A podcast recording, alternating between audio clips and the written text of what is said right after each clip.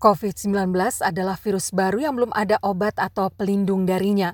Para ilmuwan di seantero dunia sedang mengupayakan obat dan vaksin. Suatu kelompok peneliti mungkin hampir menemukan pengobatannya dengan bantuan seekor alpaka bernama Tyson.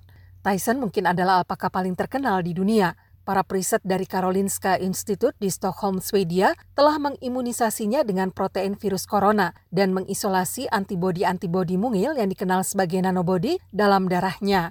Antibodi adalah protein yang dihasilkan oleh sistem kekebalan tubuh kita sewaktu sistem tersebut merasa tubuh telah terinfeksi oleh virus atau suatu benda asing lainnya. Protein kemudian berusaha membunuh virus atau benda asing tersebut. Nanobody berukuran jauh lebih kecil daripada antibodi yang dihasilkan manusia. Selain itu, nanobody seperti halnya antibodi manusia terikat ke bagian yang sama pada virus. Gerald McInerney adalah salah seorang ilmuwan peneliti dalam proyek ini.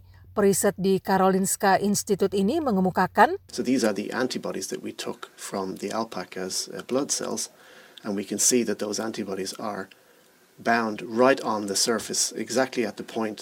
Inilah antibodi-antibodi yang kami ambil dari sel-sel darah alpaka dan kami dapat melihat bahwa antibodi-antibodi ini mengikat tepat pada permukaan persis pada titik yang dibutuhkan protein virus untuk memasuki sel-sel dan ini memberi kami pemahaman struktural mengenai bagaimana antibodi-antibodi ini bekerja untuk menghentikan infeksi. McInerney mengatakan hasil penelitian mereka akan diterbitkan dalam beberapa bulan mendatang.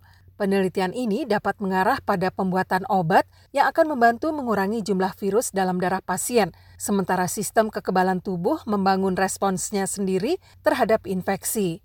McInerney dari Karolinska Institute menambahkan, all the evidence would suggest that it will work very well in humans, but it's a very complex system. Semua bukti menunjukkan bahwa ini dapat bekerja sangat baik pada manusia, tetapi ini adalah sistem yang sangat kompleks. Jadi kami berharap dapat melakukan berbagai eksperimen itu. Perlu waktu bertahun-tahun untuk membuat suatu vaksin. Ini sebabnya para ilmuwan di Karolinska Institute berfokus pada upaya mengembangkan pengobatan.